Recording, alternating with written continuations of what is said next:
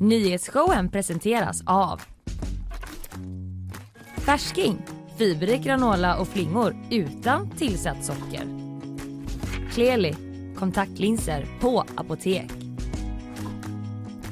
Fello, Göteborgs alldeles egna mobiloperatör.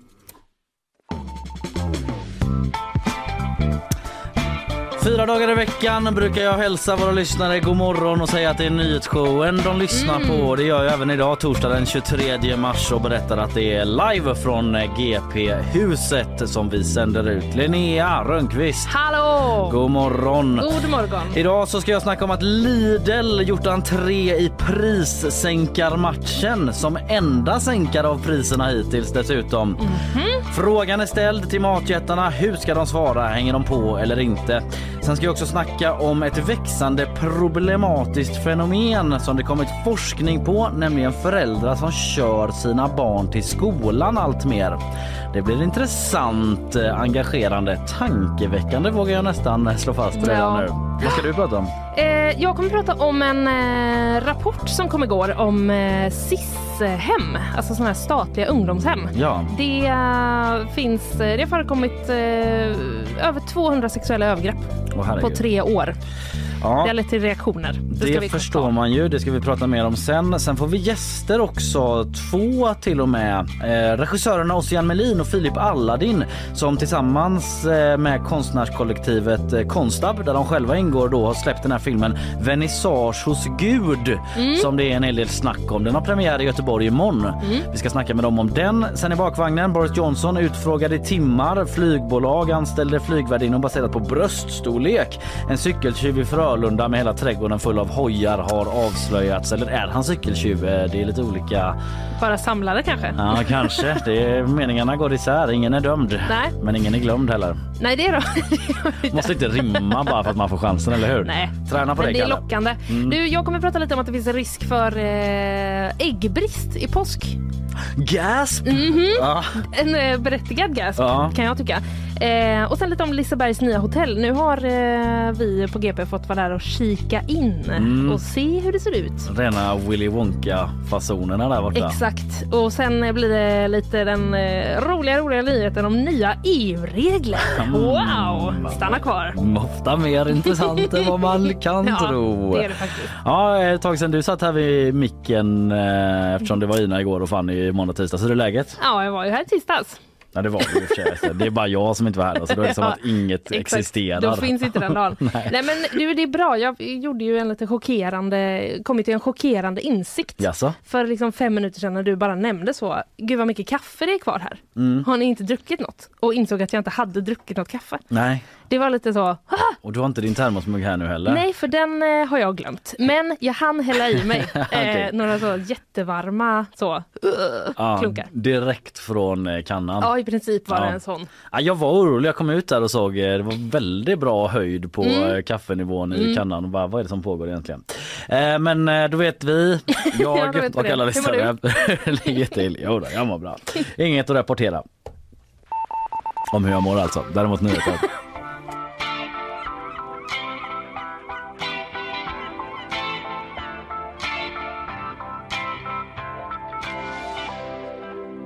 Jag börjar. Efter matjättemötet igår där resultatet ju blev att finansministern ska hålla ögonen på matjättarna och jättarna själva tyckte det var en toppendialog och eh, ska, där de fick chansen att förklara varför det är så dyrt då. Så går en annan jätte, en tysk jätte in i matchen som alltså inte var på mötet. De går ut med ett power move. De ställer frågan till konkurrenterna. Vad ska ni göra nu då? Och det jag snackar om det är att Lidl, den tyska livsmedelskedjan gick ut med att man både sänker och fryser sina priser. Vad, sa de så? Vad ska ni göra nu då? Nej, det är jag som eh, tuffar till det lite Ah. grann, eh, vinklar. Men jag Ja. tänker att liksom implicit mellan de raderna kanske- är ju ja, frågan absolut. ställd typ. Vad ska ni göra? Vi. Mm. sänker priserna liksom. Ehm, i, eh, I konkurrensen på marknaden alltså Mm. ställs ju den frågan liksom indirekt. Eh, I dessa tuffa tider som eh, Lidl själva säger så sänker man och låser priser på över 100 varor. Till exempel mjölk, kaffe och kött. Där har du en kväll du Mhm. Linnea. Det blir mjölk, kaffe och så kött. Åh, vilken torftig kväll. I den ordningen. Ja.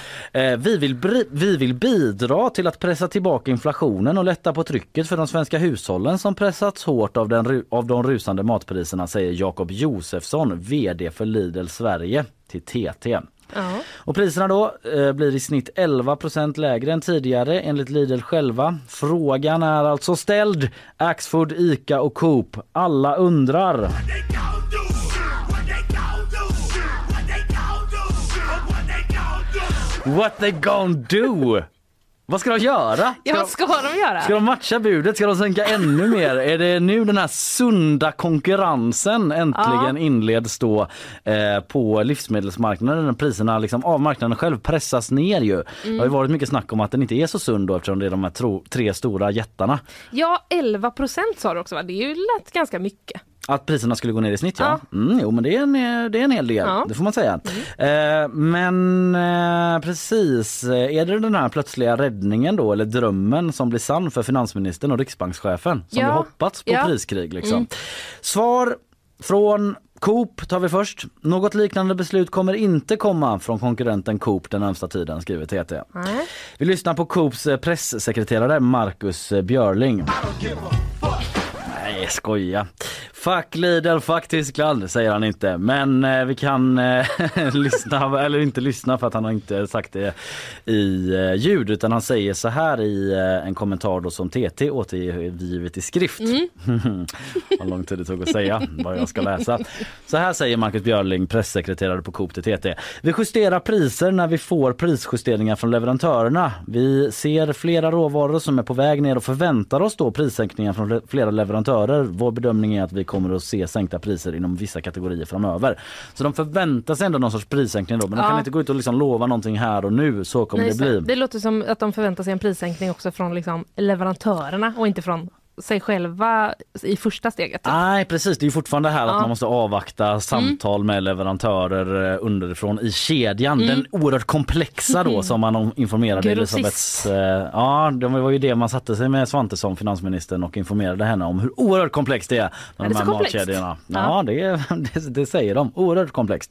Eh, Många led där. Men man vet inte då än så länge om det blir några prissänkningar. De förväntar sig det men kan inte ge några besked då ännu. Lidl å sin sida via Jakob Josefsson, då vd för Lidl Sverige, säger att eh, så här, eh, jag kan inte svara för hur våra branschkollegor har valt att göra men vi har en väldigt bra och långvarig relation med våra leverantörer. Ton. Oh! Ton kanske, jag vet inte. Och har diskuterat och kommit överens med dem om att gå ner i pris på vissa delar av sortimentet. Så han menar liksom att okej, vi har redan haft den här dialogen med dem. Vi är framme vid att sänka. Han säger också att de själva tar en stor del av kostnaden och att inte bara tar från leverantörsledet. Jaha, fina Lidl Ja. låter det som då. TT frågar om ni har kapacitet att göra det här, varför har ni inte gjort det tidigare? Eller hur? Vi har ju ändå haft ganska höga priser ett Ja. bra tag va? Då svarar eh, Josefsson, eh, sa jag rätt där nu namn på honom? Ja det gjorde jag nog, Jakob Josefsson. Eh, att eh, Lidl-vdn alltså, som sagt det här är inget som vi egentligen har utrymme för. Det kommer att kosta oss pengar.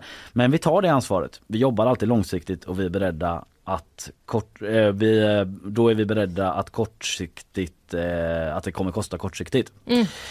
Sen kan man ju tänka sig att det också finns en affärsmässig fördel för Lidl i detta. Ja, Att eh, folk lär ju dra dit och handla liksom. Om det, det lär blir liksom en ström.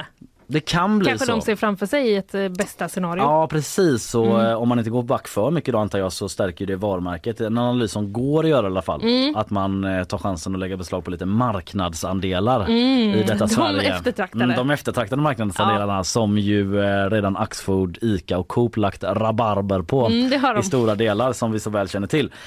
I alla fall eh, tillbaka till Coop då. Eh, tänker man inte ta samma ansvar då som Lidl menar att de gör? Alla matvarukedjor måste få göra på sitt sätt, säger pressekreteraren för Coop Marcus Björling. Mhm. Vårt sätt är att ha en stark dialog med leverantörer och sätta press där och det är vår bedömning att det kommer leda till sänkta priser. Så han pratar om den här starka, starka dialogen Just det. återigen. Vad är en stark dialog Ja, egentligen? jag funderar också just på hur du den ser ut. beskriva det Linnea? Undrar om att det är att man liksom sitter i ett rum och det liksom, finns inget som distraherar en. Ja, Utan att det kanske bara är två personer som verkligen tittar varandra i ögonen hela Mm. tiden. det blir liksom väldigt starkt Ja, och kring det här man, med leveranskedjor och priser. ja, och kanske att man även är öppen liksom, eh, på ett känslomässigt plan. För att då få en starkare dialog kring. Sakfrågan. Att man kanske börjar med att öppna upp Mm, exakt. Tryggt känslovallarna. rum, Liksom. Tryggt rum, kanske göra en sån fallövning Mm, innan. mm. Tända några ljus Mm. och så bara, nu är det en stark dialog som Mm. gäller. Klara färdiga gå. Ja, nej men antingen då, det finns, eh, verkar finnas två alternativ här. Antingen eh, tar man ansvar genom att sänka priserna till exempel. Eller så kan man till exempel ta ansvar genom att rent konkret inte göra ett jävla piss. Nej jag skojar bara. Lite hårt av mig. Den typen av ansvar låter eh, enklast. Ja, jag är ju orättvis. Det pågår ju trots allt den här starka dialogen då som kan leda Mm. till eh, sänkningar framåt. Men rent konkret hittills har det inte gjort det från Nej. Coop då till exempel. Axfood då? Eh, de planerar inte heller att följa Lidl. Istället vill man satsa vidare långsiktigt som man säger. Och det betyder att man vill jobba vidare med Willys då som Claes Balkov, vd för Axfood, eh, framhåller det. Sveriges billigaste matkasse på eh, alla produkter. Eh, som han säger då. Eh, jaha, Lidl ska i alla fall garantera de här frysta priserna i minst två månader och antalet varor kan komma att utökas. TT då har sökt ICA men eh, inte fått svar. Jag bara såg en flash då från Svenska Dagbladet precis innan jag gick in i studion. Oj, da, rykande färskt. Ja precis och där så pratar man eh, då med ICA-chefen som slår tillbaka och säger att konsumenterna har störst makt över matpriserna i Sverige. Det är i slutändan de som avgör. Eh, så här, eh, Svenska Dagbladet skriver utskällda uppkallade till finansministern men vdn för ICA, Sver- ICA Sverige, Erik Lundberg, säger att det är konsumenterna som har störst makt. Men eh, han pratar också om att eh, det är orimligt att svenska matkassar ska kosta, eller att det, det är orimligt att de kostar mycket mer än i andra länder men att just det handlar om eh, det här med eh, krisen i marknaden, inte att ICA-handlare försöker sko sig då Nej. på något sätt säger han. Eh, Men han anser ändå någonstans att det är ju faktiskt konsumenten som styr. Han får frågan så här, hur mycket anser du att man ska kunna tjäna på att sälja mat? Ja. Just eftersom det är den här situationen med de höga priserna då frågar Svenska Dagbladet och så svarar han så här. Det är ju faktiskt konsumenten som styr vad de är beredda att betala för en produkt. Det är, de, det är ju i slutändan de som avgör. Just det. Så tänk på det Linnea. Ja. Om du tycker det är dyrt med paprika så det är ändå du som avgör. Att jag måste gå åka någon annanstans där det är lite billigare med paprika. Ja, till exempel eh, Spanien.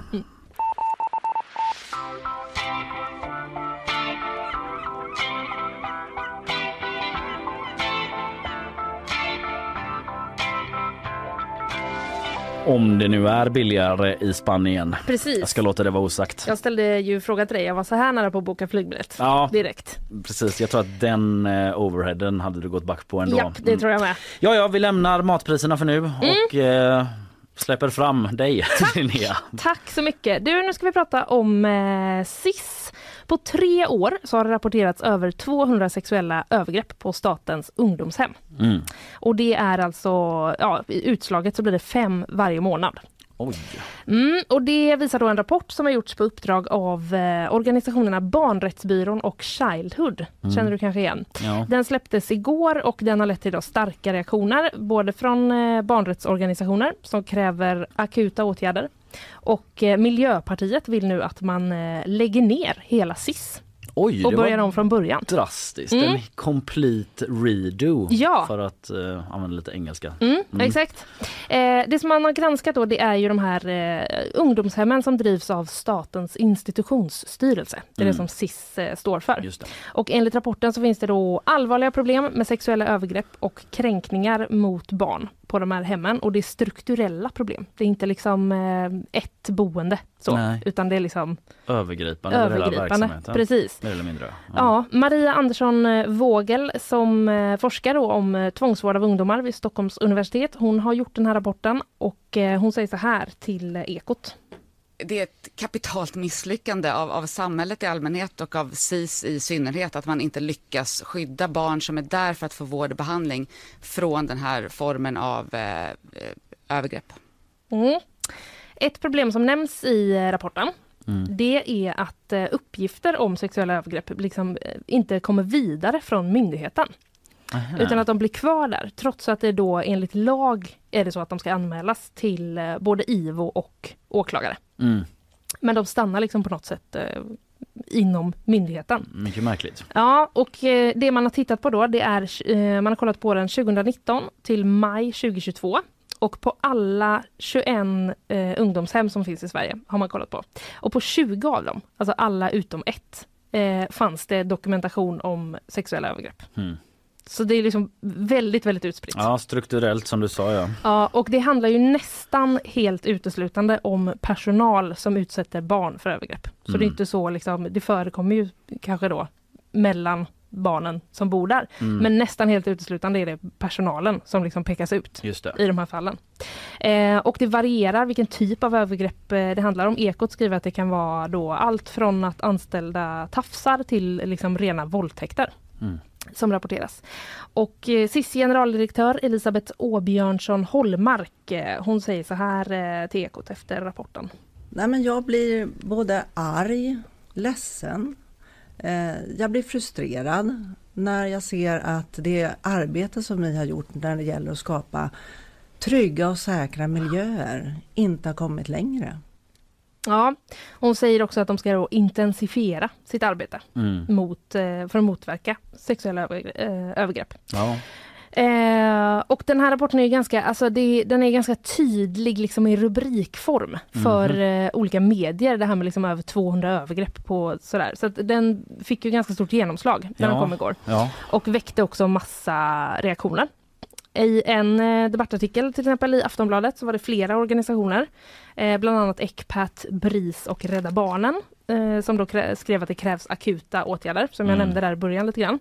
Mm. Eh, de skriver så här, det är hög tid att regeringen genomför en total reform av den statliga tvångsvården eh, för barn. Och de nämner också tre åtgärder som de skulle vilja ja se. intressant för det undrar man ju hur Mm. eh, man skulle kunna angripa detta. Ja men precis, den första är eh, skärpt tillsyn. Liksom mer kontroller då. Ja, Mm. just det. Eh, och den andra är förbud av avskiljningar. Vad betyder det då? Mm, en avskiljning är ju, det är något som man får eh, använda men det ska liksom användas som en eh, sista utväg när någon är liksom våldsam och utåtagerande. Någon typ av isolering Ja eller? precis, då är det liksom att man, eh, man, man, eh, ett barn eller en ungdom då får man liksom skilja från resten av gruppen Ja. tills den har liksom lugnat ner sig. Och det har ju förekommit ganska mycket kritik mot eh, dem, den Mm. typen av sätt att hantera och att man har använt det för mycket och sånt där. Mer Ja, än vad som kanske egentligen Okej. behövs. Mm. Så de vill se ett förbud totalt mot det då. Och så vill de också att man ska införa ett oberoende barnombud. Mhm. Som också är någon typ av som kommer ut i verksamheten och sådär. Det vet du kanske Ja, inte. jag vet inte exakt hur de tänker men sig. Men överblicka detta i alla fall mm, och göra man kan väl sorts tänka sig kontroller. det, att det Mm. kanske finns någon att vända sig till som ska vara Just det, på, på liksom, som ska representera dem som så också ja. Ja det kan man tänka sig. Eh, Ja, någonting sånt där. Eh, Klara Berglund, generalsekreterare för Sveriges kvinnoorganisationer. Hon Mm. krävde i en annan debattartikel att generaldirektören avgår. Mm, Precis. okej. Mm. Och företrädare då för Miljöpartiet, bland annat eh, Marta Stenevi, skrev Ja. på DN Debatt att eh, SIS måste läggas ner. Mm. Eh, de kallar det som många då har eh, blivit utsatta för för vanvård istället för vård. Mm. Tanken är att man ska få vård på ett sånt här hem. Mm. Eh, och de kallar det en rättsskandal och skriver då att SIS behöver läggas ner och ett nytt system ta form. Oerhört drastiska åtgärder Ja, verkligen. men för en oerhörd situation också. Mm. Väldigt långt gånget. Ja, Mm. precis. Eh, de skriver så här, med den tillgängliga kunskap vi har i Sverige idag och i våra nordiska grannländer är vi övertygade om att vi kan bygga upp ett radikalt nytt system. Mm. Det vill de att man ska göra då. Eh, socialtjänstministern Mm. Camilla Waltersson Grönvall, hon säger till, eh, hon har också reagerat kraftigt på den här rapporten. Och hon säger då till TT att regeringen har förstärkt arbetet med att eh, liksom ändra på det här. Och att de också kommer komma med både besked och förslag i närtid. Eh, vi kommer verkligen göra allt vi kan för att en förändring ska komma till stånd, säger hon. Och hon får också frågan då om eh, hon har förtroende för SIS ledning. Mm. Eh, och det säger hon att hon har. Eh, man befinner sig på en resa. Man ska ju också veta att SIS har varit eftersatt under oerhört lång tid. Eh, den förändring som har skett har varit stor men inte tillräcklig, Okej. säger hon. Så många reaktioner och eh, kommande förslag Ja, att vänta. eventuellt i närtid då. Eventuellt i närtid.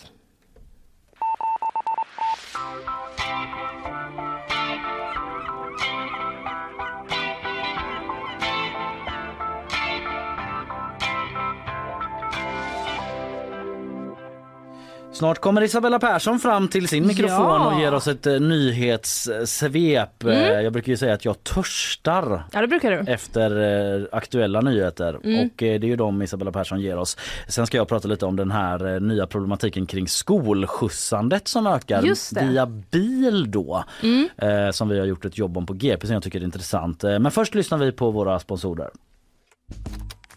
Nyhetsshowen presenteras av Färsking, fiberrik granola och flingor utan tillsatt socker. Kleli, kontaktlinser på apotek. Fello, Göteborgs alldeles egna mobiloperatör.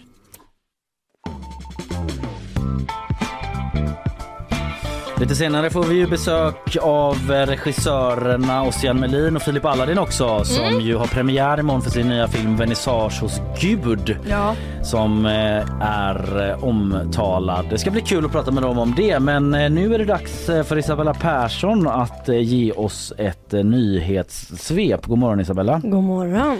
Du, jag släpper över med en gång. Ja, tack. Under natten har en skottlossning inträffat i Strängnäs. Strax efter klockan tre fick polisen larm från inringare som hört höga smällar och mycket tyder på att någon skjutit mot en bostad. Det ska ha befunnit sig folk i bostaden men ingen ska ha skadats fysiskt. Polisen har spärrat av ett större område runt bostaden och man har upprättat en förundersökning om försök till mord. Den amerikanska centralbanken höjer återigen räntan med 0,25 procentenheter vilket är den nionde höjningen på drygt ett år. Men man ska ha övervägt att avstå. Detta efter den senaste tidens bankkriser men också för den finansiella stabiliteten överlag. Beslutet att ändå göra det handlar om att begränsa inflationen som den senaste tiden tappat fart i USA och som vid den senaste mätningen i februari uppgick till 6 procent. Spaniens president Pedro Sánchez har efter en inbjudan från president Xi Jinping beslutat sig för att resa till Kina. Detta rapporterar spanska El Pais. Spanien och Sánchez har gett sitt stöd till Ukraina i kriget men samtidigt lyft fram Kina som en potentiell medlare. Som vi tidigare rapporterat var ju Xi Jinping på besök i Ryssland som så sent som denna veckan och länderna har ju fortsatt ett nära band. Alla dessa räntebesked. Fed då höjer men eh, var lite på vippen att inte Ja, göra de var det. lite sugna på att avstå. Lite Men- sugna men det blev en höjning ändå Ja, det blev det. till eh, låntagarnas Det förtret eventuellt. Det är som att de också är så här, men alltså vi var verkligen nära på att Ja. inte göra det. Fan vad bra för jag, då var ju, det betyder att jag var jättenära på att eh, ha lite mer pengar också. Ja. Men så blev det inte. Så blev det inte. Ja vi får väl se hur det påverkar bankerna här i Sverige och eh, reporäntan och eh, styrräntan heter det väl? Det och, heter det eh, tiden, bankräntorna. Ja. Tack så länge Isabella, vi går vidare här.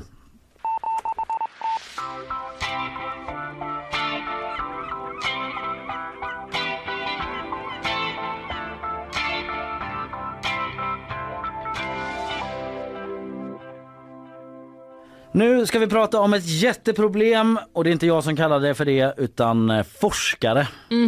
Då har det en annan tyngd va? Ja det har det. Får man säga. Ja. Det handlar om föräldrar som skjutsar sina barn till skolan med bil och följderna som det får.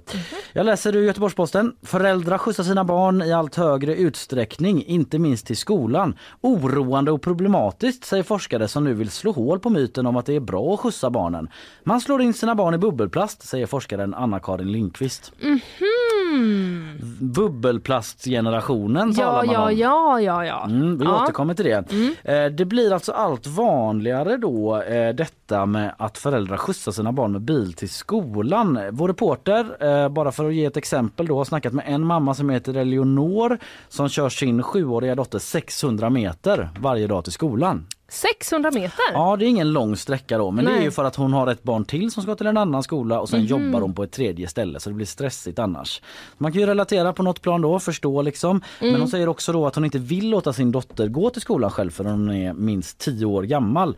Citat här då. Jag känner att barn som är runt 8-9 inte riktigt har något konsekvenstänk och även fast, de är, även fast det är nära och inte finns några bilar så finns det skumma människor. Det är inte trafiksituationen, det är folk och man vet aldrig vilket mysko som går runt runt där ute. Så säger de. Oj! Vad känner Ja. du själv? Hur var det för dig? När började du gå till skolan? Eh, alltså jag tror att, eh, ju, eh, vad jag minns det Eller som... kördes du med bil? Nej men vad jag minns det som så gjorde jag det, eller jag vet inte när, men typ jag eh, kan inte, alltså det känns som jag alltid har gjort det. Ja, Vilken men det är- oerhört men det är väldigt svårt att komma ihåg det. Ja, jag det bodde svårt. så himla nära min skola också så Ja. jag kunde göra det ganska tydligt. Jag bodde också ganska nära. jag Men behövde jag, absolut inte korsa någon bilväg heller. nej, jag tror att det var kanske typ 600 meter för mig. Ja. Åtminstone i låg och mellanstadiet. Vi kan konstatera att det är olika. Man har olika upplevelser av vägen till skolan. Ja det har man. Men nu har alltså ett gäng forskare forskat på detta så att säga, hur barn tar sig till skolan och Mm. förbluffats då över att bilökandet ö- ö- bilåkandet ökat så kraftigt de senaste åren samtidigt som aktiva resor, typ cykel, cyklande Mm. har minskat. Cyklandet har gått ner 7,7 procent och eh, bilskjutsandet har gått upp 19 procent och då är det från 2006 till 2021 så över en 15-årsperiod. Och under den perioden så har bussåkandet gått ner hela 25 procent. Mhm. Så det är rätt mycket. Ja, Sen kan det kanske bero på olika saker. ja, det undrar man ju. Att eh, folk bor närmare sina skolor eller något. Vad Ja. vet jag men eh, siffran lyder så i alla fall. Eh, citat då från Anna-Karin Lindqvist som är biträdande professor i fysioterapi vid Luleå tekniska universitet.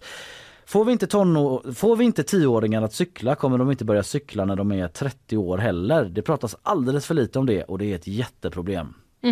Mm. Och hon är en av flera forskare då som tagit fram en nationell rekommendation om att barn borde ta sig till skolan på ett aktivt sätt. Hon menar att det finns då en norm som man måste bryta som lyder att föräldrar som inte kör sina barn till skolan ses som mindre ansvarstagande. Att det är lite så, jaha lille vän, här kommer du spatserandes. Ja, Varför tar du inte det. bilen där du är inne i ett säkert plåtskal? Just det, att man bara så släpper iväg sin unge. Ja, vind för våg ut på i Vind för trafiken. våg Ja. på en gångbana en bit. Ah, Nej men precis, det finns en sån norm då Mm. och eh, man måste få föräldrar att våga släppa iväg barnen på cykel. Mm. Det handlar inte bara då om att barnen växer upp i the bubble wrap generation. Som Heter blivit- det så? Ja, tydligen så kallas det så. Aha. Det är väl något begrepp som har använts då. Eh, alltså att man är överbeskyddande. Ja, mm. Eh, utan också att man måste röra på sig. Fetma, det är Just ett det. växande problem. Inte bara i Sverige utan i hela västvärlden. Och eh, världen i stort tror jag, många delar Mm. av världen. Eh, men det är också en del då att eh, det är viktigt att lära sig att ta eget ansvar. Ha koll på tider och sin omgivning. Mm. Vänster, höger, vänster. Är det grönt? Och så vidare. Ja. Du vet, du har Ja. koll på det. Ja, ja, Jag vill inte förklara för dig. Nej. Men i vår artikel i gp.se då så tar man Karl Johan-skolan i Majorna som ett exempel där situationen vid hämtning och lämning beskrivs som ohållbar och under all kritik. Är det den som, på, som ligger liksom vid allmänna vägen Ja, längs med den? jo, men ja, precis. En fotbollsplan framför. Mm, Kaptensgatan. Kanske alla skolor har i och för sig. ja men det är en stor fotbollsplan Ja men då tror jag jag vet vilken det är. Mm. Ja, i Majorna i alla fall. Eh, och där har det ökat väldigt mycket med bilhämtning och lämningen och det blir väldigt stökigt utanför Aha. skolan då. Många bilar ska in och vända. Ja, då, ja. liksom så, här. så det är ett exempel på det. Mm. Och forskaren Anna-Karin Lindqvist säger att, eh, som jag nämnde innan, samma forskare alltså, att eh, det finns liksom ingen åldersgräns officiellt för när ett barn är moget att gå själv till skolan. Sen finns det någon sorts inofficiell 12-årsregel som är så här spridits bland föräldrar menar. Ja. hon. Hon säger så här, 12-årsregeln är ett hinder för föräldrar och den regeln bygger på gamla studier från 60-talet som inte är aktuella idag. Det har aldrig varit så tryggt och säkert i trafiken som nu och ändå är föräldrarna oroligare än någonsin, säger hon. Och eh, var tredje förälder anser att trafiksituationen mellan hemmet och skolan är osäker enligt, eh, enligt studier då och enligt de här forskarna så går utvecklingen åt fel håll. Vi är liksom för oroliga. Ja, kan det vara så att föräldrar liksom bara så inte tror på sina barn tillräckligt mycket? Ja, men kanske, det hör man ju lite här och var att föräldrar är allt mer överbeskyddande idag Mm. och är framme liksom och sådär. Du ska sätta benet här när du klättrar Ja, i, just liksom, och så armen där. Ja. Ja, man kan ju själv känna sig lite träffad ibland eller åtminstone reflektera över sitt eget beteende. Eh, Men i alla fall, eh, Anna-Karin Lindqvist menar att man gör barnen en otjänst då genom att skjutsa dem. Och eh, det borde vara tvärtom man ska tänka istället. Det är inte barnen som är problemet för de vill gå och cykla i högre utsträckning än de får. Det är föräldrarna som säger att jag älskar dig så därför skjutsar jag dig. Mm. Och eh, hon säger också sådär att man vill inte skuldbelägga föräldrar som skjutsar utan eh, man vill snarare betrygga föräldrar som Ja. låter sina barn gå eller cykla. Ja. Och vara så här, det är lugnt. Det är som- Stigmatisera inte dem. Just det. Det är som man gör med hundar. Jaså? Så förstärka positivt beteende just och inte liksom hålla på och shamea när de gör något Just det. dåligt. Om de forskarna är ute så på gator och bara vad bra att du cyklar! Och Jättebra! positivt förstärker dem. Vill du ha godis? Nej det blir också konstigt. Eh, Jag hoppar in i min vita van här och kör vidare till en skola. Forskarvännen. Precis, forskarpatrullen så. Nej det är inte så det går till. Men varje steg räknas eh, då också i eh, kampen mot fetma. Ja, Mm. just det. Och efter vår rapportering avslutningsvis har politikerna i Göteborg reagerat. De säger då att de jobbar med detta som även eh, på, man, på kommunnivå från förvaltningen så jobbar med att man vill liksom skapa fler bilfria zoner och fler cykelvägar. Man Mm. jobbar med att få ut fler så, eh, vad heter det, fartbulor och liknande. Mm. Vägbulor. Eh, eh, Victoria Tryggvadottir Rolka som är skolkommunalråd för eh, Socialdemokraterna hon. Hon säger att eh, jag bor själv granne med en skola och det är sån hög trafik där på morgnarna att det är löjligt. Så de ser liksom, eh, hon ser med viss förskräckelse då på det ökande bilåkandet. Och Karin Pleijel, miljöpartist, kommunalråd, ansvar för miljöfrågor säger att det är viktigt att bromsa utvecklingen. Det är en negativ spiral. Ju fler som skjutsar ju färre vågar lämna barn på cykel eller med eh, gång. Med gång, om du Med förstår. gång. Just det, det kan det, ja precis. För då Ja. blir det fler bilar där framme vid skolan och så blir man orolig för Ja det. men exakt, Ja. då blir man mer orolig och då Ja. skjutsar man ännu mer och så blir man mer orolig. Orosspiralen. Mm, den jobbiga, den vill man inte vara fast i. Nej, det vill man verkligen Men inte. ändå hamnar man där ibland. Varje gång. Mm. Orosspiralen. Moderaternas gruppledare Axel Josefsson han håller med om att det inte är en bra eh, utveckling det här att folk kör mer och att han själv är uppväxt med att cykla till skolan och tycker liksom att eh, vardagsmotionen, den Mm. ska vi ha, glöm inte den. Ja, det här eh, är ett längre jobb då, man kan läsa två artiklar om politikernas eh, tankar och eh, framtida eventuella insatser men också om ja, föräldrar som gör detta och Ja. skolor som drabbas. Bra jobb, ligger på gp.se eller finns i våran app.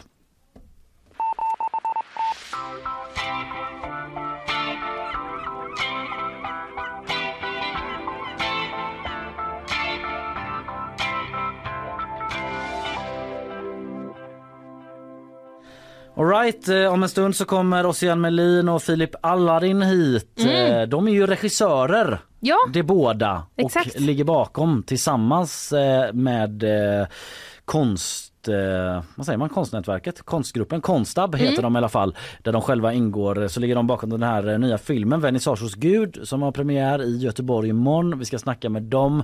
Ganska spännande för de har liksom gjort den här filmen typ helt utanför eh, systemet. Ja. Alltså typ inte sökt filmstöd och sånt. det känns som att det inte borde gå Nej man tycker ju det. Eh, eh, på något sätt. Känslan är att de totalt vänt ut och in på sig själva i fem års tid. Ja, Så vi ska se se vad det är för personer som kommer in här. Precis hur de mår eh, nu när allt är klart och ska visas eh, på eh, the big screen. Mm.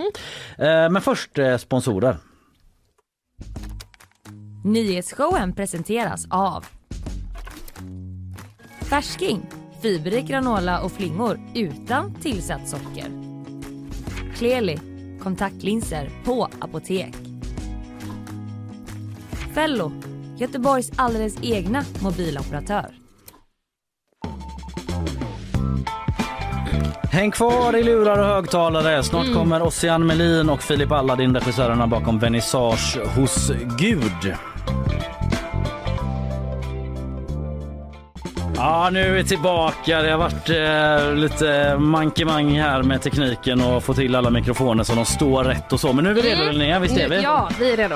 Nyhetsshowen live från GP-huset. Lyssnade på 23 mars torsdag. Vi har fått hit dagens gäster. Eh, De är delar av konstnärskollektivet Konstab och aktuella med filmen Vernissage hos Gud som har eh, premiär i morgon här i Göteborg. Säg välkomna till Ossian Melin och eh, Filip Alladin, regissörer och filmskapare. Hej! Tack. Hallå, hallå. Hej. Tjena. Ja, Hur är läget? Kul att vara här. Kul att vara här. Ja, har ni liksom funnit er? Känner ni bekväma i studiomiljön? Här? Ah, det var det mysigaste. Jag, jag står fan inte så bra alltså. Nej. Men ja, ja, vi kör, vi kör. Ja, vi kör. du kanske vänjer dig efter ett tag. Ja. Vi, eh, vi hoppas att du ska landa i det. Eh, vi ska komma in på filmen och vad den handlar om och sådär. Men eh, ni har ju premiär i Göteborg imorgon men redan haft eh, premiär i Stockholm då. Yes. Och ni har hållit på med den här filmen i fem år vad jag förstår. Ni har liksom gjort den lite utanför det befintliga filmsystemet, raggat pengar, lite do it yourself-vibbar, indie-stämning.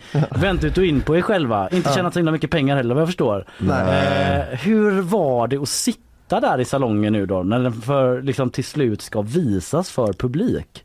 Nu i förra veckan Ja. i Stockholm, det var, det var fan, det var Mm. grymt alltså. Det det, var det var roligt. För det var, ehm, vi har ju, eller man har ju kompisar liksom, så många kompisar så att, så att när, när liksom eh, när vår sån här logga kom upp Ja, så, så var det hela den här eh, filmhuset då som vi hade hyrt. ja. Så alla var yeah! Man kan också slappna av med det. Vi, Ja. vi såg den på filmfestivalen första gången i Göteborg. ja just det. Det var så, jag, jag, jag minns nästan ingenting. Nej. Jag var så nervös.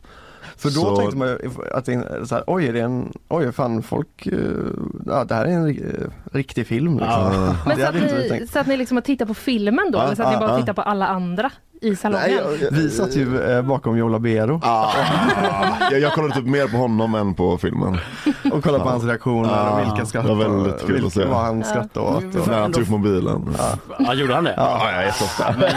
det var Ja, underbart. det var vackert Men att lite sidospår bara för att följa, följa upp det för han är någon sorts inspirationskälla för det Joe Labero. Stor. Ja. Stor. Han är liksom återkommande i det här konstab-universumet Ja, eh, där ni har gjort teater och olika saker. Ja. Vad, vad, är jag det tror inte som han vet om det. Nej. Jag tror inte han Nej. Fattar. vad är det Nej. som inspirerar dig med honom då? Ja, men det är någonting, någonting med att han inte går ur karaktär. Ja. Det är någonting med att han liksom bara kör. Det är någonting sådär. Han vet heller inte hur bra han är, tror jag. Nej, Uh, precis vad det heter. Att man inte har självdistans. eller Nej, jag vet inte. Nej, men det är också, nej, jag vet inte. Men att han går upp väldigt mycket i det han sysslar med då eller? Mm. Han offrar ju allt. Alltså han offrar ju allt. Ja. Han offrar hela sitt liv. Och det är väl eh, något som man eh, kan säga om er också. Eller ni har i alla fall eh, liksom slitit hårt för att Mm. inte typ gå den konventionella vägen när Ja. ni gjort Mm. den här filmen. Ja, Mm. men de vill ju heller inte ge oss pengar. Vi försökte ju Ah, få pengar från SFI, men de vill inte det. Det går inte, att, det går inte att få pengar om man inte vet vad det är man ska göra. Ja det var så det var alltså. Ja, men lite grann, alltså, vi hade ju ett svinflummigt liksom. Vad var det ni kom med då? Liksom, Men och typ liksom, Arbetsmanus som vi hade suttit med och liksom skrivit, det var liksom 400 sidor. Och så var det, tänkte vi att men vad fan, så här kommer inte filmen bli. Nej. Men de vill ju ha ett färdigt manus och liksom en färdig agenda. och Okej. färdig så. Och då snackar vi om, vilka är de? SFI, SFI, Ja, svensk filmindustri. ja, Typ. Ja, Svenska filmen. jävligt, Ja, jävligt. Nej men ja. Nej men det är jävligt mycket grejer, Så- alltså det är verkligen så här, det är verkligen eh, konstruerat så på det sättet att man ska få eh, cash av eh, staten liksom. Eh, Ja. Annars så blir det massa små problem längs vägen liksom. Till och Ja. med nu typ när vi är så här, ja men fan till exempel i Stockholm nu då eller nu är det folk som har önskat filmen på sina lokala eh, biografer i Luleå, Arvika, Norrköping sådär. Så, Mm. så folk vill ju uppenbarligen se den här filmen Mm. för att den är väldigt eh, fartfylld och Mm. liksom, jag tror den representerar någonting eh, Som inte finns. ja, ganska unikt. Alltså, Mm. eh, jag säger inte att filmen är bra men jag säger att den är eh, att, att, att det ändå finns en energi i den och, Ja. och liksom jag tänker att eh, Men de vill ha den här filmen men det är Ja, svårt men- att få ut den Nej, dit då? Nej, nej, nej, nej, för fan, nej, förlåt nu virrar jag mig iväg. Ja, det är Nej men trots att folk liksom vill se den så märker man att eh, det är massa sådana här konstiga grejer. Vi kommer inte in i betygsindex för att den inte har fått pengar från SFI och då får den inte komma upp på, på då kommer inte statistiken till bio bla bla bla och då kan inte biograferna automatiskt Det, är- det, är så- det, är en så- det är sådana frågor konstiga byråkratiska grejer. Distributionsgrejer. Vår producent blir galen på de grejerna men jag fattar inte riktigt vad det är. Nej, Men det, är, det, handlar, det handlar typ om att komma in i systemet. Ja. Att göra det lättare till okej. nästa film. liksom. Så Kafkaesk Ah, ja, situation. eh, men det stör honom, men det ska... Ja. Okej, men om vi eh, tar oss in lite på själva filmen då så kan vi återkomma till det här med processen för den är ändå intressant tycker jag. Ja, kul se det. Ja, ja men jag tycker det Ossian. Jag Lite tycker det. skadeglädje. Ja men det är ju spännande med de som vänder sig ut på, in på sig själva och tar en krångligare väg på något sätt även om det då visar sig vara av eh, nödtvång. men eh, vi kan lyssna lite på trailern faktiskt eh, till filmen, en bit av den. Ja, så har vi vår nya eh, utbytesstudent från den danska konsthögskolan för dansk konst. Autodidakt heter du. Det är inga veckouppgifter den här terminen, ingenting sånt. För att examenutställningen är faktiskt bara om två veckor. Vet ni vad ni kommer att ställa ut? Inspiratör, opinionsbildare, contentskapare. Men varför skulle vi just hit? Åh nej, du förstör värdet på våra bostadsrätter. Okej. Är det så? Ja, en bit av eh, trailern som ju gör sig bäst med bild också. Ja, det kan- rekommenderar vi. Men ändå. för känsla ändå. Men för känsla, absolut. Det är Da Vinci-koden på LSD. Mm. Har ni liksom eh, kallat eller beskrivit den här eh, filmen som? Nej det var några som sa att det var Da Vinci-koden på crack och sen så hade inte jag, jag vet inte hur det känns, eller jag vet inte, jag vet inte hur crack, crack påverkar. Eh, så då tänkte vi LSD istället. Ja. Så, så fick den här PR-människan säga det. Ja, Okej. Men eh, det, jag tror det stämmer, alltså Vad tycker du om På beskrivningen? Ja. Nej men man ska alltid ringa in ett stort verk med några få ord liksom. Allt Ja. det där med marknadsföring och hur man presenterar saker det är ju eh, hittepå. Man försöker bara liksom eh, Mm. göra någonting obegripligt eh, lite mer begripligt liksom. Men det är någon typ av spänningsmysterium ändå Ja, som ja, är lite fan. trippigt Mm. typ. Ja det kan man verkligen Ja. säga. Ja, det kan man Ja, det verkligen kan säga. verkligen säga. Eh, Men om jag tillåter mig att sammanfatta lite då så som eh, det har skrivits om filmen. Vernissage hos Gud eh, kretsar då kring Irma, en konststudent som får ett uppdrag av Gud att göra det perfekta konstverket till sin examenutställning. Men hon stöter på en del problem då i form av ett ondskefullt hemligt sällskap, Da Vinci-vibbar då, Verkligen. om man ska vara snäll, eh, som vill kommersialisera konsten. Och just det här med kommersialisering av konsten är väl någon sorts tema i filmen ändå. Ja, Absolut. Det är Ja. lite, ja, jag vet inte, nu de senaste dagarna har jag känt att det är lite övertydligt. Eh, men... eh, Hur då?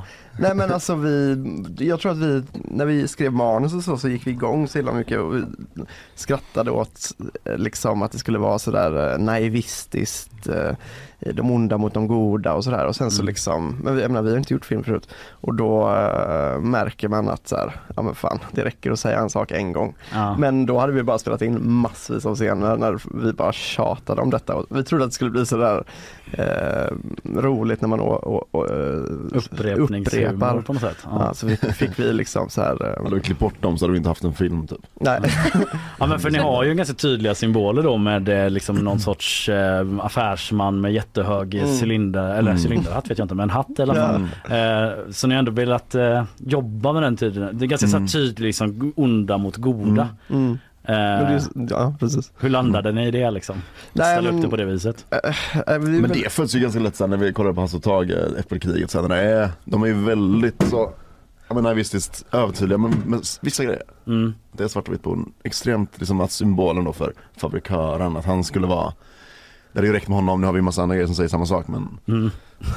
det är Men den har varit lite inspiration Äppelkriget. ja, som Ja, fan. absolut. Ja. Som fan. Är ni liksom Hasse och Tage heads? Alltså det roliga är att vi säger det eh, Men- och sen så häromdagen var det någon som räknade upp alltså Tage-filmen, jag hade inte sett någon. Eh, så- är eget och löst. Ja, Eget och löst och, och. Äppelkriget. Ja. Men de är desto större Ja. inspirationskällor. Verkligen. Förstår. Fan vad bra Ja. de är. Mm. Men eh, finns det också liksom någon tanke att eh, driva lite med så någon pretentiös konstskolevärld? Det, det är Nej. jävligt roligt för att det, det är folk, eh, Fredrik Strage sa till exempel i, eh, vad nu han satt, eh, så sa han, eh, ja eh, man är, om, man, om man kollar på den här filmen så vill man inte gå på konstskola eller, eh, eller, eh, eller några har skrivit så här Konstvärlden är lätt att göra sig rolig för. Sådär. Mm. Så tänkte vi inte alls. Det är en så här hyllning till eh, den små dassiga göteborgska konstscenen. Alltså jag tror också vi blev väldigt arga när vi såg eh, The Square av Ruben Östlund. Mhm. För att den, den konstiga sådär nästan lite hittepå Amerikansk, konst, ja, liksom, amerikaniserade konstvärlden. lyxig med sådär liksom eh, välmående människor. Jag, liksom, fan, eh, Aldrig varit på en sån liksom, Nej, utställning. och Men, då är jag ändå, jag är liksom väldigt så här, uppvuxen i konstvärlden. Aldrig sett den, den, den sidan av det liksom. Hur är er bild av konstvärlden? Ja men det är just sådär liksom eh, alkoholiserad, eh, deprimerad, sitter och skriver eh, någon blankett till SOS och någon stipendieansökan och så liksom är allting bara så här jävligt dassigt och urballat på ett härligt sätt liksom. Eh, patetiskt men ändå alldeles, alldeles underbart liksom. Mm. Eh, Lite så här, ja men eh, stämningen uppe på konstepidemin eller på de här liksom Hur eh, är den stämningen? Alltså jag älskar den, för, Ja. mig, är det ju, för mig är det ju typ hemma. Ja. Men eh, det är ju ja, men Jag tycker det är precis så som det ska vara. Jag tycker det är liksom eh, det är ett alternativ till eh, det här mm, duktiga, mm, duktiga eh, prestationsdrivna samhället. Alltså mål, det är målorienterade. Ja, ja precis, Ja. precis.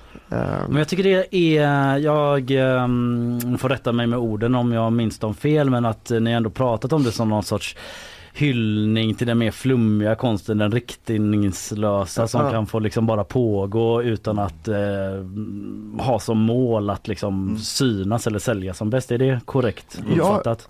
Ja, självklart. Alltså den helt fria konsten som är konsten för konstens skull. Liksom. Eh, där man inte håller på att hela tiden liksom eh, tänker på resultat och konsekvenser. Alltså, eh, den bästa konsten måste ju vara liksom, eh, konsekvensneutral Mm. eh, och inte vara eh, agendastyrd eller, eh, eller liksom jag tycker man träffar så jävla många människor som typ gör liksom eh, konst eller design för att typ för att få knulla. Eller liksom, Ja. ja. Ehm, jag, jag, jag, jag, tror att det är ett eh, eh, resultat av så som vårt individualiserande samhälle är. det är ju Liksom. ganska otidsenligt tänker jag eh, på ett sätt. Vår, vår eh, konstsyn. Ja, Ja, alltså verkligen. utifrån hur typ unga människor idag exakt. eh, liksom eh, Exakt. Försöker slå sig fram då. Ja. Mm. Men är det någon sorts kritik mot det? Hatar ni det? Ja, alltså jag tycker att det är jävligt hemskt. Jag menar om man, om man är liksom en eh, 20-årig eh, oljemålare nu på någon förberedande konstskola.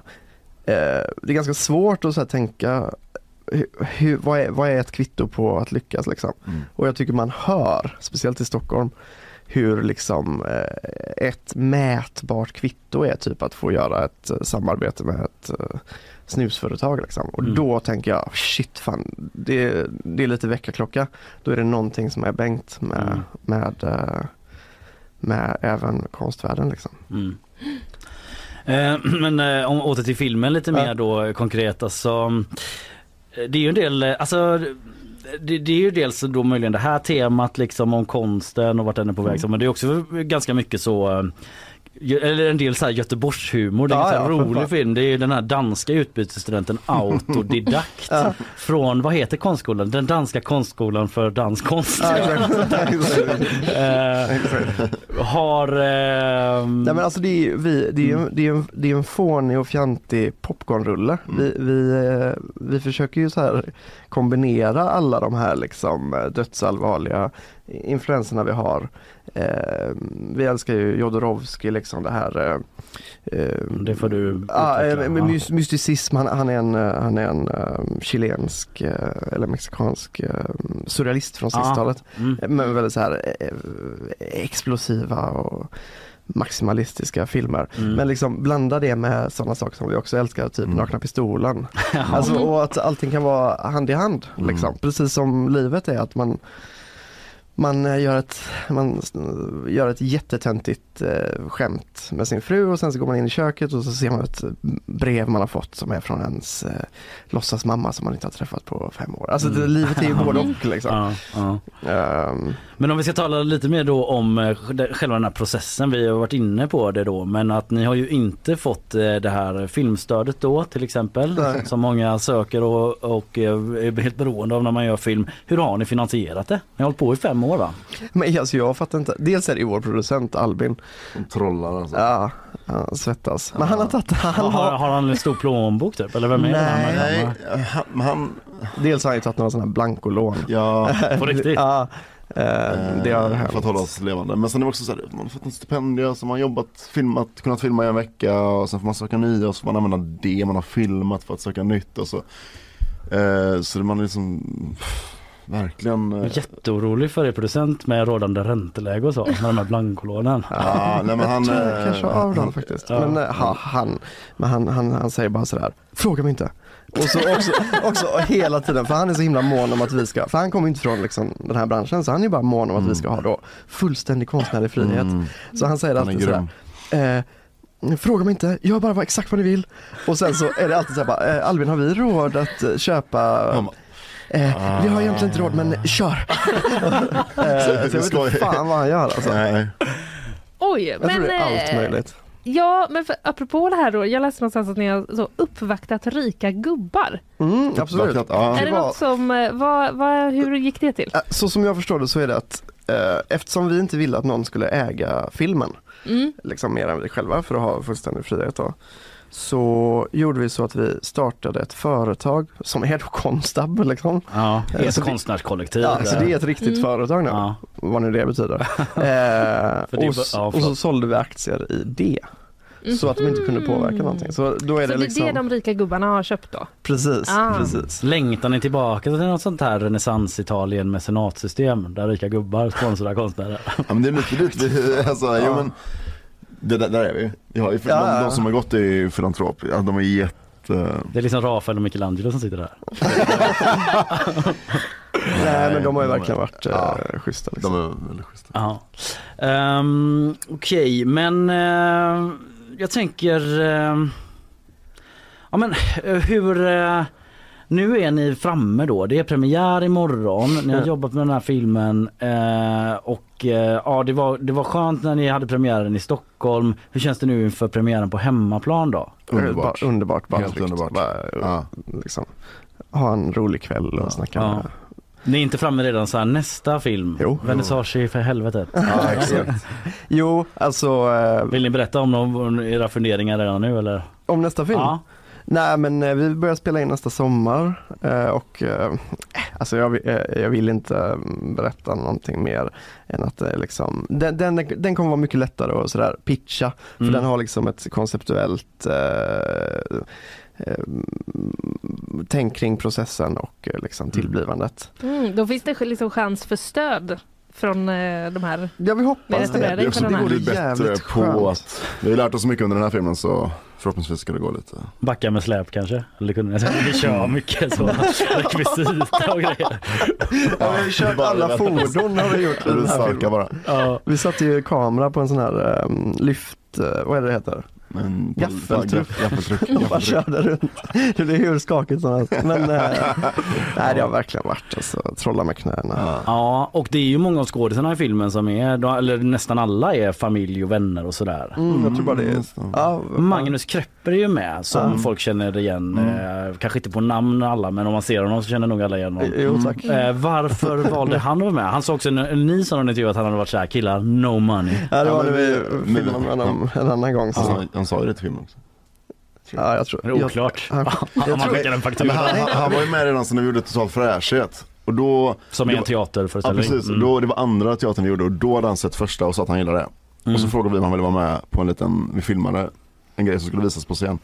Och då sa vi så här, men vi, för vi, då kände vi honom inte så mycket och då var det så här, men vi har, du kan fakturera 10 000. Sen när vi hade filmat klart så kom han och så vände han sig om och bara, grabbar, no money.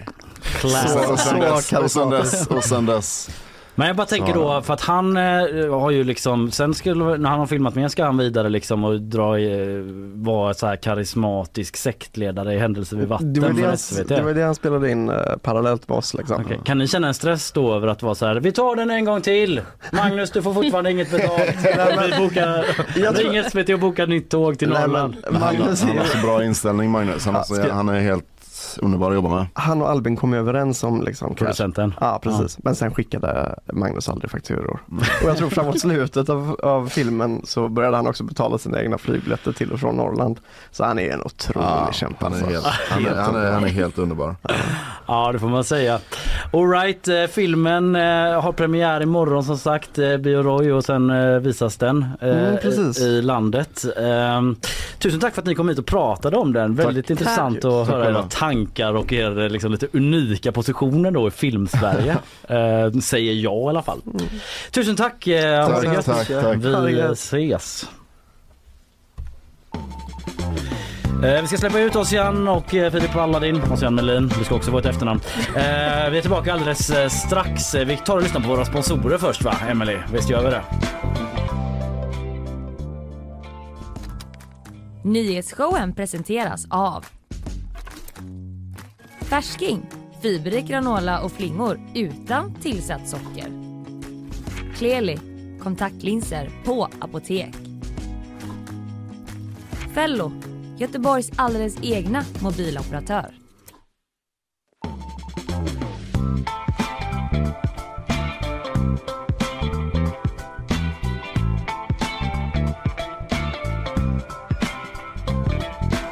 Ja, eh, Ossian Melin och Filip Allarin regissörer till eh, Vernissages Gud då. Eh, lämnar studion och vi ska alldeles snart få ett eh, nyhetssvep av Isabella. Eh, vad har du i bakvagnen sen till senare Linnea? Jo men då på? har jag ju eh, då- då har jag ju risk för äggbrist. Just det. Mm, inte jag personligen alltså utan eh, i påsk. Nej, nej, inte någon sån fertilitetssituation som du står inför. Inte vad jag känner till. Jag förstår. Men, eh, men inför påsk eh, risk för äggbrist. Sen är det lite nya EU-regler. Ja, eh, lite nya EU-regler om eh, typ eh, klimat. Miljö? Mm. precis. Om eh, hur man eh, gör när man liksom eh, håller på och marknadsför sin grej som väldigt, väldigt bra för miljön. Ja, Det jag ska jag. snacka om Boris Johnson. Han var ju i eh, tv igår, eller tv sändes, eh, Ja. Mm. hans utfrågning om Partygate. Eh, och hans politiska framtid eh, kan avgöras där Mm. är vad man säger då. Eh, Så vi ska lyssna lite på hur det lät där. Sen så tänkte jag också snacka lite om Finnair. Alltså de anställde kvinnliga sommarjobbare baserat på hur stora bröst de hade. Det låter inte det låter, riktigt... Det låter ju helt eh, sjukt. Ja, det låter inte så samtida på så Nej. sätt. Jag ska berätta lite mer om vad det var frågan om där. Innan vi kastar oss in på allt detta så ska vi få ett nyhetssvep från eh, Isabella. Ja! Du eh, fyller ju så många funktioner här. eh, Jag får gå så lite mingla efteråt. Så, Ja, med våra liksom gäster. visa Mm. gästerna ut. Sen har ni en livepodd som kommer här snart också som du också På roddar måndag. med Ja, ja, Loud ja. med vänner. Så om det är någon som vill eh, komma på livepodd och lyssna på Laura med vänner på måndag så går det fortfarande att anmäla sig. Vart ska ni vara? Vi ska vara på Tolvans eh, Var restaurang. är det? Gamla Ullevi. Jaha, restaurangen på Mm. Gamla Ullevi. Ja. Okej, är det liksom lite blåvitt eh, eller Gais har väl hemma där också för sig? men- Ja, det är både Gais, ÖIS och det, hemma hela gänget. Alla Ja. är där. Så Ja, ja. ehm, där ska vi vara. Så är man sugen på att komma och lyssna på lite livepodd så tycker jag att man ska gå in och anmäla Det sig. borde man vara om man bryr sig det minsta om fotboll Mm. i alla fall. All right, eh, nu ska du få ta nyhetssvepet här Isabella, är du redo? Ja. Under natten har en skottlossning inträffat i Strängnäs. Strax efter klockan tre fick polisen larm från inringare som hört höga smällar och mycket tyder på att någon skjutit mot en bostad. Det ska ha befunnit sig folk i bostaden men ingen ska ha skadats fysiskt. Polisen har spärrat av ett större område runt bostaden och man har upprättat en förundersökning om försök till mord. Den amerikanska centralbanken höjer återigen räntan med 0,25 procentenheter vilket är den nionde höjningen på drygt ett år. Men man ska ha övervägt att avstå, detta efter den senaste tidens bankkriser men också för den finansiella stabiliteten överlag. Beslutet att ändå göra det handlar om att begränsa inflationen som den senaste tiden ändå tappat fart i USA. Och vi fortsätter i USA där drygt 40% av amerikanarna vill bannlysa TikTok i landet. Detta rapporterar Omni och hänvisar till en undersökning som Washington Post har gjort. Samtidigt vill 25% inte alls stoppa appen medan desto fler, över 70% är oroliga att moderbolaget är kinesiskt. Spaniens president Pedro Sánchez har efter en inbjudan från president Xi Jinping beslutat sig för att resa till Kina. Detta rapporterar spanska El Pais. Spanien och Sánchez har gett sitt stöd till Ukraina i kriget men samtidigt lyft fram Kina som en potentiell medlare. Och som vi tidigare rapporterat var ju Xi Jinping, Kinas president, på besök i Ryssland så sent som denna veckan och de länderna har ju fortsatt ett nära band. Ja, det hörde vi Andreas Granat om igår som ju var gäst och snackade om mötet mellan Xi Jinping och Putin. Jajamän. Och så TikTok, Det är alltid Mm. alltid ständigt Aktuellt, aktuella. Ständigt aktuellt. Mm. Riksdagsledamöter även i Sverige har vi pratat om som gluttar på dörren Mm. till att förbjuda det åtminstone för de som jobbar inom eh, riksdagen. Då. Ja, och debatten är ju aktuell i USA också. Ja. Det är amerikanska myndigheter som överväger hur man ska hantera appen. Så det är därifrån de här siffrorna, Hög diskussionen kommer. aktuell rakt av. Tack Isabella! Tack!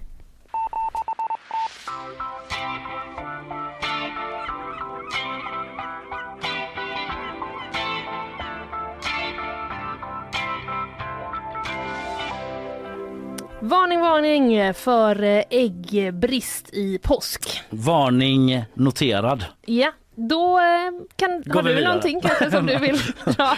Vad är det som så, pågår Vi måste väl ändå ha lite fakta Ja, på vad är bordet här. bakgrunden liksom Jo. till den här varningen? Så här är det, jag läser på eh, gp.se, vår egen sajt, att närmare 20% av den svenska äggproduktionen är borta efter salmonellautbrott.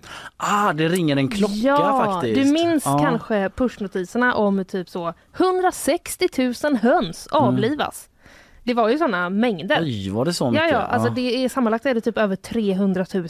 Det är någonting när man hör om sådana där grejer och typ så här, den här produkten återkallas Mm. och sådana grejer att man aldrig man, jag ska säga jag, eh, reflekterar att man själv ska drabbas av det. Gör du inte? Nej, man bara så här, eh, ja, jag vet inte. Det gör jag. är Jag kollar jag, mitt datum och siffror på allt när jag Ja, kommer hem. Typ. Alltså jag är väl eh, bara så eh, himla privilegierad att jag sällan stött på bekymmer och tänker att i min lilla Ja. fantasivärld så händer inget ont typ. Nej. Men jag var Men- faktiskt vid en lokal mataffär igår och Mm. när jag gick förbi ägghyllan så Mm. ekade den tom redan det sant? nu. Alltså inte helt Inte tom. helt tom. Men det var, det var fan inte mycket ägg i den hyllan. Nej, jag studerade min... För att vara en ägghylla? Ja, jag studerade min igår också. Den var halvfull. Mm. Så att det är ju... eh, Men jag, det är också viktigt att vi inte hamstrar nu. Jag kommer till varför Ja, eh, snart. Bra. Men eh, det kommer också påverka priset. Ja, Att ja, det ja. är så pass mycket färre. Mm. Marie Lönneskog eh, eh, Hogstadius, verksamhetsledare på branschorganisationen Svenska Ägg. Mm. Hon säger så här, eh, det kommer finnas tillfällen i matbutiken när det faktiskt är slut på hyllan. Ah. Ja, eh, så här är det då. I januari så återkallades ju jättemycket ägg på grund av att man hade upptäckt eh, salmonella Mm. vid rutinkontroll. Och sammanlagt då är det alltså, först var det liksom 164 000 höns Mm. som fick avlivas. Ja. Sen upptäcktes det liksom igen och då var det 160 000 höns till. Fan alltså. Ja, jag vet. Så vi är liksom över 300 000 höns bara där. Och det är ju eh, Sveriges största äggproducent. Höns. Så, eh, nej, jag skojar bara. Jag skojar bara. Ja, eller jag vet inte, kanske någon vara. fisk Ja. producerar fler till antalet. Mm. Vi kan undersöka det. Eh, men så var det i alla fall och eh, det får ju konsekvenser såklart, Mm. som saker får. Eh, det kommer inte heller finnas utrymme för kampanjer i år, säger eh, Marie Lönneskog hos Dagrius. Alltså typ att man sänker priset på ägg när det är påsk. för Att det är Just så. det. Ja, alla vill ha ägg. Kom till Alla oss ägg, att man gör en exakt. sån. Hugga marknadsandelen som Precis. Lidl kanske. Mm. Mm. Eh, hennes misstanke Mm. är också att äggpriset kan komma att höjas då. Amen. Efter marknadsreglerna om tillgång och efterfrågan. Dessa De känner du till marknadsregler, ja, som Mm. sätts lite ur spel då eh, delvis när eh, det är inflation. Och Eh, ja, bara tre eller förändras matjättar. lite. Ja, Mm. precis. Ja. Jaha, så Eh, dyra men så- ägg också då? Till Ja. på allt. Mm. Exakt så är det, men för att vi liksom ska undvika att någon sitter helt ägglös på eh, påskafton Mm. och bara så gärna vill ha liksom en ägghalva med lite kaviar kanske eller Mm, mm. Då gäller det att eh, håll inte på och hamstra här nu. Nej, just det. Ta det ansvaret. Ta det ansvaret, konsumenter. Väldigt mycket konsumentansvar Ja. Jag känner mig liksom som konsument känner jag mig tyngd av Tyngd allt av allt. ansvar som Ja. vilar på mina axlar. Ja, jag vet. Rädda inflationen, se till att alla får lika mycket ägg i hela Sverige.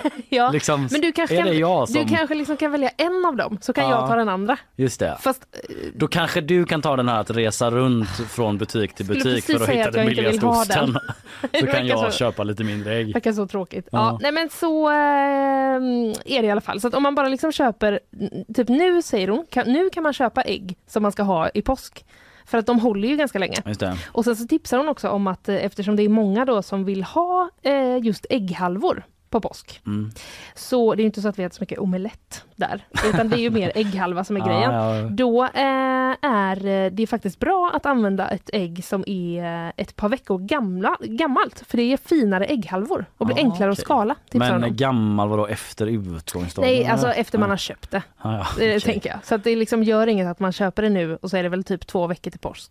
Och då Nej, kan det vara så. Det, nej precis, det hoppas man att Då är det förstår- liksom förstår. bra. Man inte Mm. måste ha så helt färska ägg. Nej, nej, nej, gud. Nej. Det är ju också egentligen så väl att ägg inte behöver vara i kylen, har jag hört. Ja det har jag hört. De Mm. håller längre i kylen tror jag. Det Skitsamma. Man kanske inte kommer med lika gott samvete kunna sitta och du vet sådär blåsa ut Nej, innehållet precis, för att måla, måla. ägg. Nej, den tiden är ju förbi. Ja det får man lägga ner nu. Nu får man eh, skärpa sig.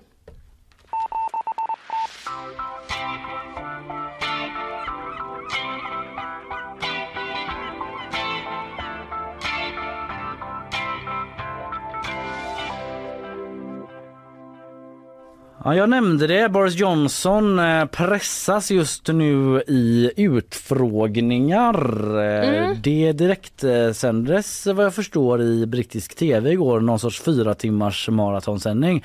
När han satt där och fick svara på frågor angående Partygate. Alltså eh, under covid-restriktionerna och pandemin i Storbritannien så eh, förekom ju de här festerna där folk samlades och drack bärs och liknande Mm. på Downing Street och andra lokaler och då eh, har det ju pågått en utredning. Vad eh, hade Boris Johnson för kännedom om olika saker? Vad hade han för ansvar och sådär? Mm. Han var Eh, väl med på flera va? Han var med på flera ja. Mm. Men så här, hur länge? Vad visste han om arrangemanget? Förstod gick han han att han bröt? här Ja. och såg inte att det var fler än man fick vara? Nu Nej. håller du handen för ögonen Ja, för alla som bara lyssnar. Ja. Mm. men eh, Inte det, som en pirat alltså, utan för bägge. precis, eh, mycket riktigt. Ja, men det är ju så att vissa menar då att det här kan liksom avgöra Boris Johnsons politiska framtid. Det är mycket som står på spel här i vad man landar i och så vidare. Men jag tänkte vi kan lyssna lite på eh, vad som eh, sades. Eh, jag har klippt ut några saker. Rubriken från Omni jag läser är Johnsons vanliga taktik, distraktion och förvirring. Är det sant? Mm, intressant ändå. Körde han en Peppa Pig?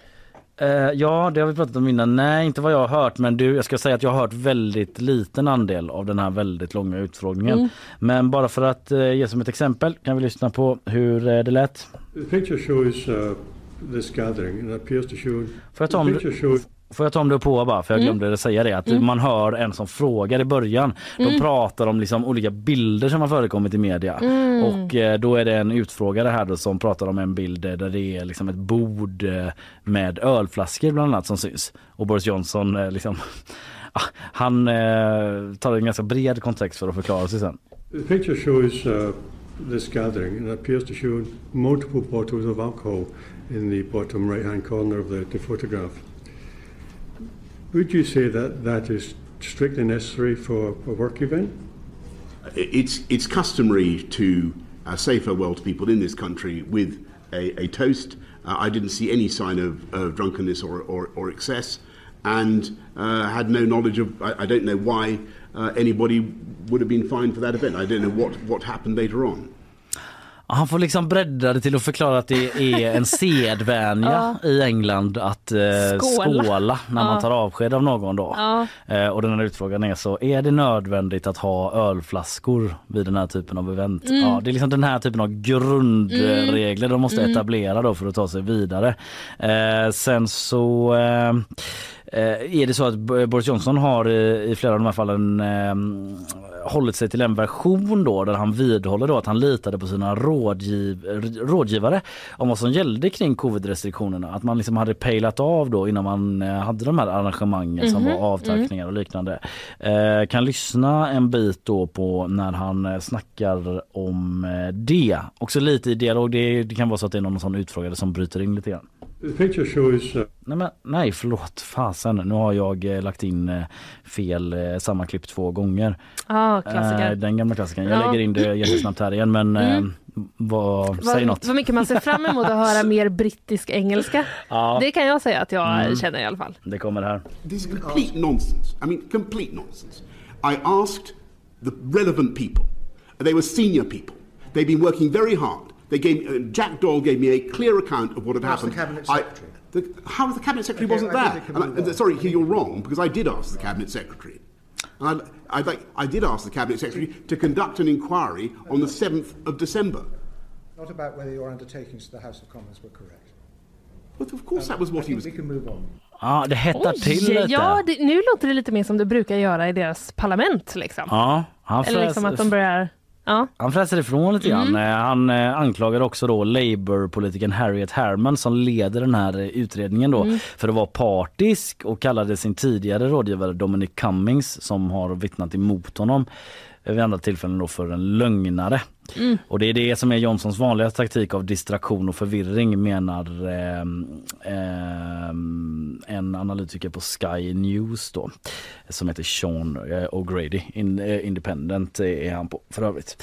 Ja, så, eh, så sammanfattningsvis eh, Boris Johnson förnekar fester eh, och eh, menar liksom det är en tradition av att avtaka människor med en skål. Det var ingen fest eh, utan Nej. eh, så här, vi hade kollat upp det med rådgivare och eh, det ska varit lugnt och eh, så här. Det var ingen fest, det var en avtackning. Ja. Detta får vi följa. Du märker att jag inte liksom är 100% inne i det. Nej men det, är- det är ju också pågående. Ja, det är pågående och jag tänker att eh, jag gärna återkommer till det. Mm. Nej, men jag tycker det är bekymmersamt att folk litar på våra prognoser. Nu eh, är det snart dags för eh, ett nytt hotell att öppna. Ja, jag har hört det tisslats och tasslats. Ja, eller hur? Och det är också nu... ganska stor byggnad som redan Det är ganska stor byggnad, Mm. absolut. Det är eh, Lisebergs nya hotell. Ja. Grand Curiosa. Jag ska vara helt ärlig dock.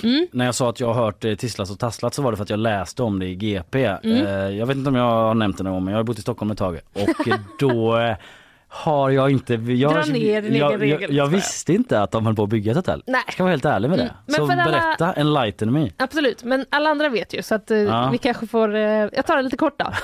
De håller på att bygga ett hotell som ska ligga då vid eh, Lisebergs södra entré, alltså Mölndalsentrén. Den eh, rätta entrén Den rätta om man frågar dig. Exakt, jag vill inte säga det men så är det. Eh, där ska de bygga då ett eh, hotell och de ska också bygga ett eh, liksom badpalats Mm. där.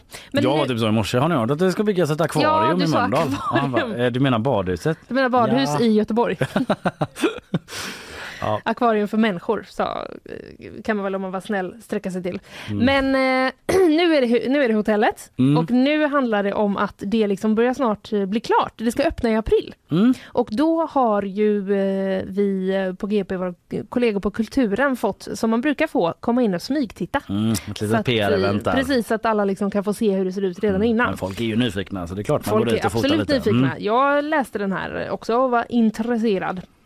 Eh, så det finns ett gött eh, litet bildspel med typ så 19 bilder på gp.se. Ja, jag har sett kan titta på sen. några av dem. Beskriv, ja. måla. Ja, jag kan börja med liksom eh, entrén typ. Alltså det är liksom, det är eh, lite så här ostindisk eh, inspirerade av eh, Ostindiska kompaniet. Ja, precis. Mm. Av det. Så det finns liksom två jätte, jätte, jätte, jättestora vaser Mm. i eh, lobbyn. De är alltså, jag skulle Med jätte, jättestora blommor i.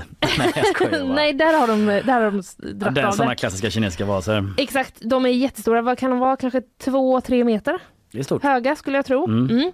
Och eh, sen finns det ju då bland annat också en, eh, det hänger lite paraplyer liksom ner från taket. Det finns en rutschkana från våning två tror jag, Ja. ner till botten. Ja men det är det jag eh, läste om och såg. Eh, Mm. Det var därför jag nämnde så Willy Wonka. Sänkt ribba för Kalle chokladfabriken. eh, Ja, det får man nog ändå säga så, faktiskt Att, att det är likt det. Men Ja. ändå om man är barn och kan åka rutschkana ner till receptionen. Det är ju kul. Det är kul. Rutschkana inomhus, bara en sån sak. Ja, precis. De har ju också utgått när de har byggt eh, det här hotellet från liksom en påhittad historia. Jaså? Mm, så här handlar... Inte Kalle chokladfabriken va? Nej, inte den. Nej. utan här handlar det då om en, eh, en eh, påhittad story om smugglaren och affärsmannen Herr Daler och hans äventyrslystna fru Agnes som Mm. gjorde världsomseglingar med Ostindiska kompaniet. Mm. Så då har de liksom, eh, det har fått sätta sin prägel Den här diktade historien då. Exakt, den att de fick med sig historien. allt det här hem Ja, från sina resor. Exakt, Mm. precis. Så det är liksom mycket i sånt. Och så finns det lite olika rum. Det finns liksom rum som är så herr Dahler-rum och så finns det rum som är eh, hans fru Agnes eh, Mhm. då. Och Agnes rum är lite mer så romantikinspirerade läste jag. Mhm. Och eh, herr Dahlers rum är lite ingenjörskonst. Hmm. Mm. Ja, Ja okej. lite mm, könstypiskt kanske. Ja, lite, fast det var Ja. väl också då att den här Agnes skulle varit en äventyrslystna. Så Ja, där precis. går man liksom lite emot Där har man ändå försökt jobba 1800-talsnormen. himla svårt att jobba med liksom 1800-talsnormer och så ska de ändå passa idag. Ja, Ja, precis. det kan vara knivigt. Men det har de eh, i alla fall gjort. Det finns också en ponnykarusell. Mm. Mitt bland frukostborden läser jag. Den är från 1923 tydligen. Wow. Så den verkar vara gammal. Och eh, så hänger det då i trappan en 23 meter lång installation av gyllene fiskar, fåglar och planeter. Okej. Ja. Ja det verkar ju ändå vara lite... ehm, alltså- Lite wonky. Ja lite wonky. Kan man säga. Ja. Ja, det jag kommer finns- inte på något bättre ord än så. Jag tyckte det var bra. Ja men det tycker jag med. Två lastbilar med kuddar fick de eh, häromdagen när vi var där. Två hela lastbilar med kuddar. Jaha, som ska till rummen typ? så ska eller? till rummen, ja. som jag tolkar det. Jag har inte sett att det ska vara något kuddrum men jag blev ju väldigt sugen på det nu Ja. eh, direkt. Ja. Ja, så är det i alla fall. Man kan se massa bilder på gp.se.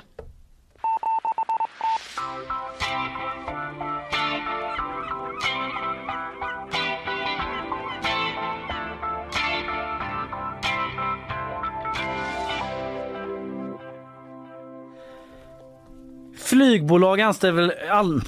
Jag börjar om. Ja. Flygbolag anställde vikarier baserat på deras bröststorlek. Ja, På tal om att inte vara helt tidsenlig då. ja, vad är detta egentligen? Finnair, läser jag från Expressen, anställde kvinnliga sommarjobbare baserat på hur stora bröst de hade enligt en före detta chef på flygbolaget. Det var i förra veckan som eh, den här eh, Jori Eskolin, som chefen heter, eh, skrev på LinkedIn. Jag kommer att tänka på så kallat sexistiskt beteende eller på ren finska. Sexistisk skit. Jag antar att det har Mhm. översatts.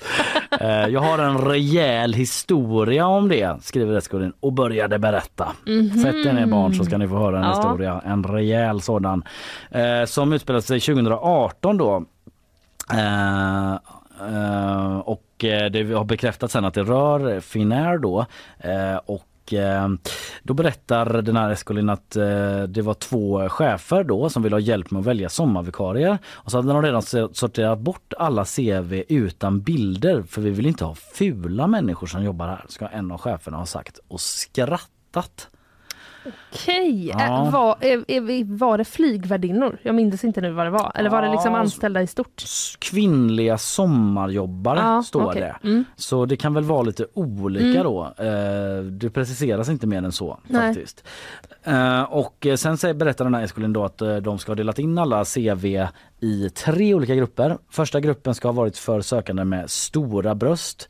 Andra gällde eh, sökande vars bröststorlek inte gick att utröna från bilden. Nej, men. Läste jag på Expressen. Och tredje då hamnade de fula vars eh, ansökan genast slängdes i papperskorgen.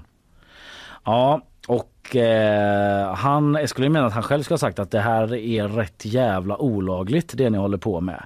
Eh, och eh, chefen ska då ha svarat att det är så vi alltid har gjort. Men vad, va? Ja, precis. Det låter Och, ju eh, nästan liksom otroligt. ja. Eller man undrar ju vad de har använt för liksom rekryteringssätt när de anställde den där chefen Exakt. i så fall. Sitter där med såna jättepattar. Nej, förlåt. Men att de alltid har jobbat hos alla chefer. Alla typ. Han bara, jag blev anställd så. Det var inget konstigt. Och här är jag nu. Vidmakthåller det här. Eller så anställde de utifrån typ så, har du en vidrig kvinnosyn, Mm. då kommer du ja-högen. Just det, för då kan du bibehålla det här systemet. exakt. Då kan så du kvinnor anställs så, män anställs så bara, om någon inte har skrivit om sin kvinnosyn i CV så åker de bort. Ja just det, direkt i papperskorgen. Ska vara upfront där Exakt. att eh, man, man Ja, har den den uråldriga synen Ja. på kvinnor. Välkommen. Iltalehti, den finska tidningen, har pratat med tre anställda på Finnair som bekräftar att det fanns en sexistisk arbetskultur vid den här perioden. Ehm, och eh, då eh, säger en ehm, Marika Nieminen som är Finnair Kitchen-chef. Jag förstår inte riktigt. Eh, Jaha, kanske liksom eh, de här eh, vagnarna med mat? Kanske, ja just det, Ja. så kan det vara. Mm. Eh, det är väldigt oroande och tråkigt att höra något sånt. Jag har inte fått någon information om den här typen av beteende, beteende tidigare. Men man har startat en intern utredning då efter det här larmet och eh, hon säger att eh, om eh, några av våra anställda stöter på otillbörligt beteende är det viktigt att han eller hon informerar chefer eller personalledning så vi omedelbart kan ingripa då. Så eh, man tar det på allvar, man tar en utredning, man eh, undrar kanske lite varför det inte blev en större grej när det hände då. Ja, Ehm. men det är väl först nu det har kommit ut va? Ja men precis, men jag tänker på den här mannen som har gått ut med det. Han jobbade ju ändå där då. Ja, ja, men det kanske ja, fanns andra omständigheter, jag har ingen aning om det. Nej. Men eh, så eh, gick det till där på Finnair.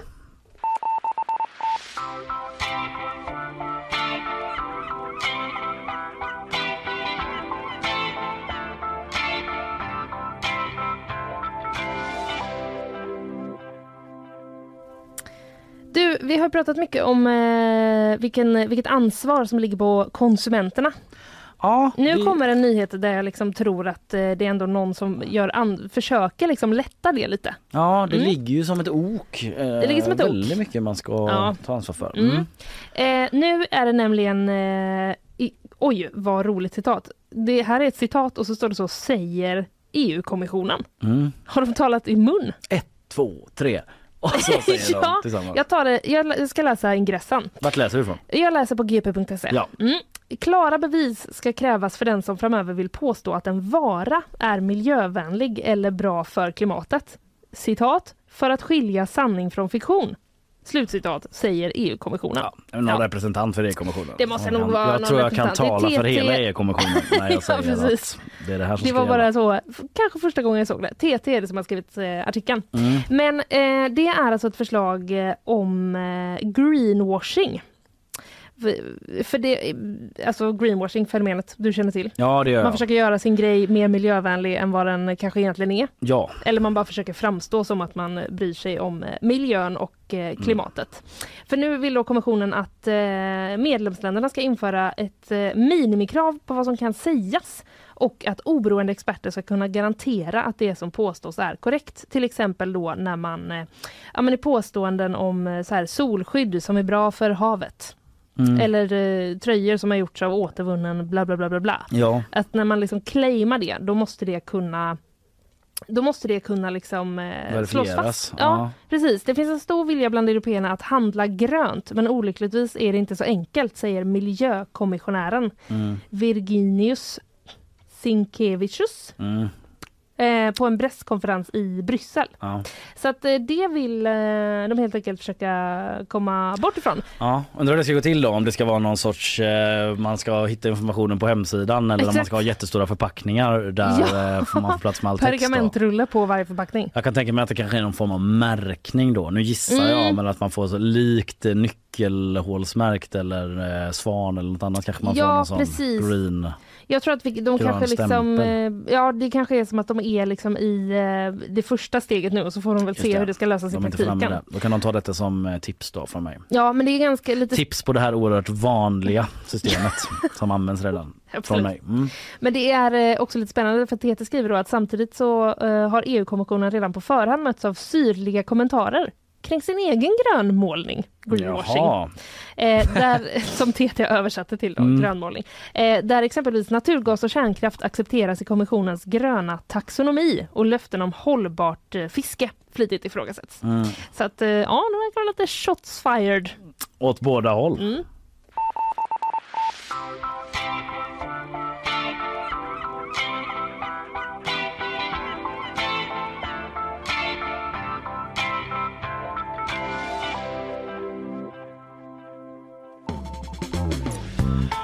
Ja, idag eh, har vi som vanligt pratat om en hel del grejer. Eh, Jag har berättat om Lidl ju som går före här nu då och eh, föreslår eller ska införa prissänkningar och frysta priser på över 100 varor som de säger. Det har vi snackat om och lite om hur de andra matjättarna ser på det. Och du har ju Mm. pratat om den här Ungdoms- väldigt beklämmande rapporten. Ja men precis.